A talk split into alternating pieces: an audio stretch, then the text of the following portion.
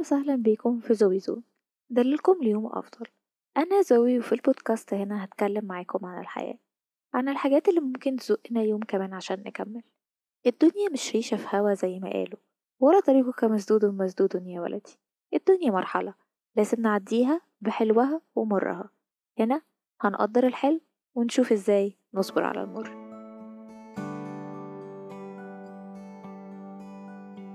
حلقة النهاردة مستوحاة من ردودكم والكومنتات اللي جات لنا في الحلقات اللي فاتت.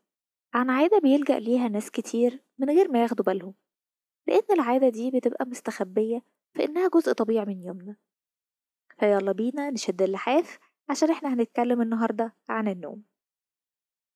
النوم مهم جدا لصحتنا الجسدية والعقلية لأنه في مرحلة النوم الجسم بيقوم بعملية إصلاح كاملة.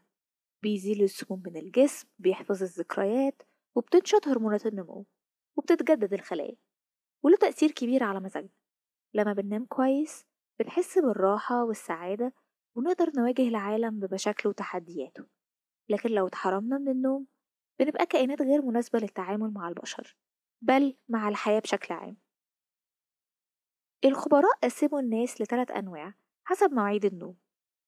أول نوع morning larks ودول الناس اللي بتنام من عشرة بالليل لستة الصبح ودول حتى لو سهروا فهما بيقدروا يصحوا بدري بكل نشاط وحيوية ودول بيمثلوا أربعتاشر في المية من الناس. تاني نوع third birds ودول الناس اللي بتنام من اتناشر وتصحى تمانية الصبح ودي النسبة الأكبر من الناس نسبتهم خمسة وستين في المية. تالت نوع night owls ودول بتوع الليل وآخره. دولت اللي بيناموا من الساعة اتنين الفجر ويصحوا الساعة عشرة الصبح ممكن يتأخروا عن كده كمان. ودولت ممكن يصحوا بدري عادي جدا بس مش هيبقوا في أحسن حالتهم وبناء على التقسيمة دي ربطوا حاجات كتير بيها ودي هنتكلم عليها أكتر في فيديو حصري هينزل على صفحة اليوتيوب. فتأكدوا إن أنتم متابعينا هناك علشان ما يفوتكمش حاجة. نرجع تاني للنوم. تقولي أنا دلوقتي عندي مشاكل في النوم ومش بعرف أنام بسهولة ولما بصحى ببقى تعبان ومش قادر أعمل حاجة. طيب يا سيدي كده إحنا محتاجين نبص على حاجات معينة. أولا الإنسان البالغ مفروض بينام من ست لتمن ساعات وفي بينصح من سبعة لتسعة وميعاد النوم ده لازم نلتزم بيه حتى لو في الأجازات. أنا عارفة إنه شيء صعب بس لو عندنا مشاكل في النوم فيبقى لازم نضحي. ثانيا نعمل روتين مريح قبل النوم. يوجا بقى ال skin care routine بتاعك الليلي نسمع موسيقى أو نقرأ قرآن بس كل ده نعمله وإحنا مش في السرير. أحد أسباب مشاكل النوم هو سوء استعمال السرير. السرير معمول للنوم وبس مش عشان ناكل عليه ونذاكر ونقرأ. في خبراء نوم بيقولوا أصلا ما تدخلش أوضة النوم غير عشان تنام. الأوضة كلها مش السرير بس. ثالثا بقى هي أوضة النوم نفسها. ننام في أوضة ضلمة كحل وتبقى درجة حرارة الأوضة باردة. حتى لو في الشتاء.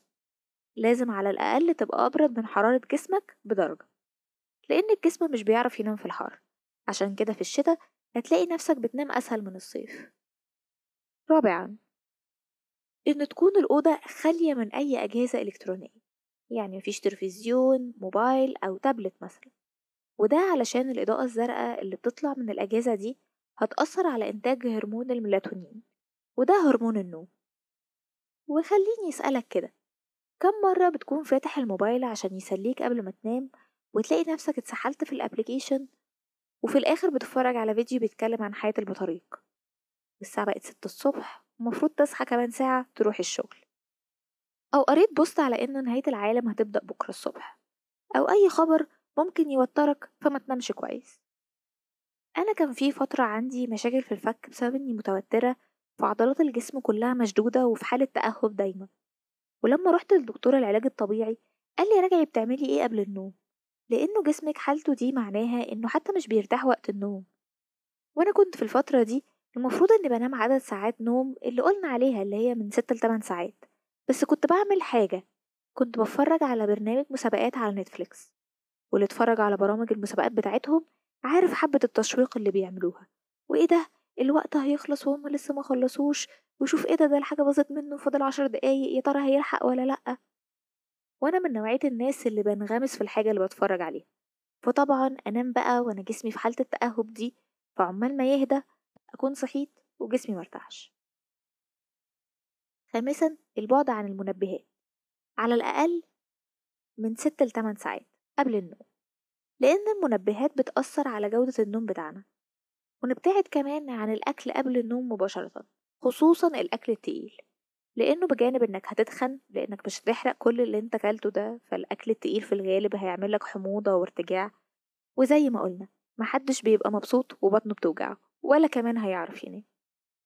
سادسا نلعب رياضة بانتظام لأنها هتصفي الذهن وهتقلل التوتر والقلق وده بيحسن من جودة النوم حتى في دراسة أسترالية اتعملت على ناس بتعاني من الأرق لأن ممارسة الرياضة ساعدتهم في تقليل اعتمادهم على أدوية النوم. وبيوصوا إن الرياضة تبقى قبل النوم على الأقل بأربع ساعات لأن الرياضة ممكن تزود حرارة الجسم وتعلي نشاط المخ وده هيخلي الدخول في النوم صعب وهياخد وقت. سابع حاجة لو قعدت على السرير عشرين دقيقة وما نمتش اطلع من السرير واعمل أي حاجة لحد ما تبقى نعسان.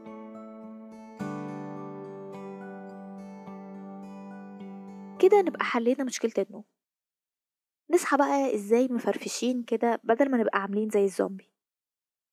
لازم نتأكد من إننا نمنع عدد ساعات كافية. وتجنبنا كل الحاجات اللي إحنا قلناها دي. ولما نصحى أو المنبه يرن ما نعملش سنوز أو غفوة. لأنه على قد ما الموضوع ده بيبقى مغري جدا إلا إنه السبب الرئيسي في إننا نصحى مقريفين لأنها بتلخبط الساعة البيولوجية بتاعتنا ودورة النوم. لأنك ببساطة مش هتمر بمراحل النوم بتاعتك في الخمس أو العشر دقايق اللي أنت نمتهم دول. في الأغلب أنت بتدخل على مرحلة النوم العميق مرة واحدة والمرحلة دي الصحيان فيها هو اللي بيخلي مودك وحش. وعشان كده خلق روتين لمواعيد النوم والصحيان بيخلي الجسم يظبط إنه مرحلة النوم العميق تنتهي قبل ميعاد صحيانك صحينا خلاص؟ نفتح الستاير وندخل النور الأوضة. علشان جسمنا يعرف إنه خلاص الصبح جه ويبطل إنتاج الميلاتونين. طبعا قبل ما ننام نكون سايبين إزازة مية أو كوباية مية جنبنا مش عشان نشرب منها قبل ما ننام لأن كده إحنا هنصحى من النوم ندخل الحمام. ولكن عشان لما نصحى ممكن جسمنا يبقى عنده جفاف فشرب المية الصبح كده ينعش الجسم ويظبط لنا معدلات الحرق كمان. وبما إننا بنتكلم على معدلات الحرق يبقى ما ننساش تمارين الصباح. زي أيام المدرسة بالظبط. على ما أظن إن معظمنا كان شايف إنها ملهاش لازمة بس جسوت الدراسات بتقول إنها أحسن طريقة لبدء اليوم. لأنها بترفع معدلات اليقظة والتركيز وتدخل الأكسجين للمخ فيبقى جاهز لليوم. وزي التمارين بتاعة المدرسة بالظبط مش لازم تبقى التمارين عنيفة ممكن تبقى حاجات خفيفة كده نحرك بيها الجسم. وبعد ما نخلص التمرين نفطر فطار صحي متوازن يكون فيه كربوهيدرات معقدة تسد معانا وتمدنا بالطاقة اللي محتاجينها. طب ما النوم حلو أهو ومفيش منه مشكلة. ولما نبقى متضايقين ندخل ننام وهنبقى زي الفل. النوم زي كل حاجة في الدنيا ليها الحلو وليها الوحش. فإحنا هنا محتاجين ناخد وقفة ونفكر.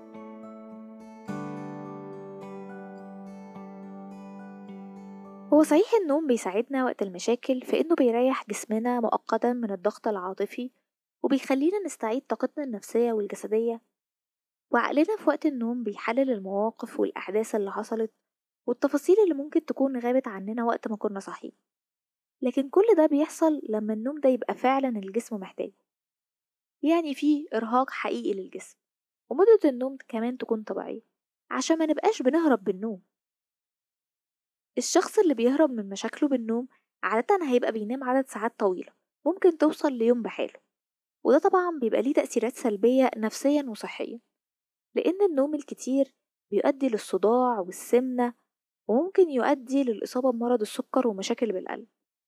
أما بالنسبة للحالة النفسية فالنوم الكتير ده أعراض من أعراض الاكتئاب وبما إنه بيبقى نوم مش منتظم فده هيدمر الساعة البيولوجية بتاعتنا ويقلل من تعرضنا للضوء فده هيقلل من مستوى السترونين وانتباهنا وقدرتنا على الاستيعاب. فبالتالي مش هنقدر نتوصل لحل المشكلة أو حتى طريقة لتخطيها. وفي الحالة دي النوم ده ضرنا وزود مشاكلنا. طب إيه هي الطريقة أو الاستراتيجية الصحيحية للتعامل مع المشاكل؟ الموضوع ده محتاج قعدة تانية. فتأكدوا إنكم متابعين صفحاتنا على السوشيال ميديا وقناة اليوتيوب عشان ما يفوتكمش حلقاتنا أو المحتوى الحصري اللي مش هيكون موجود على منصات البودكاست. ونتقابل على خير الحلقة الجاية.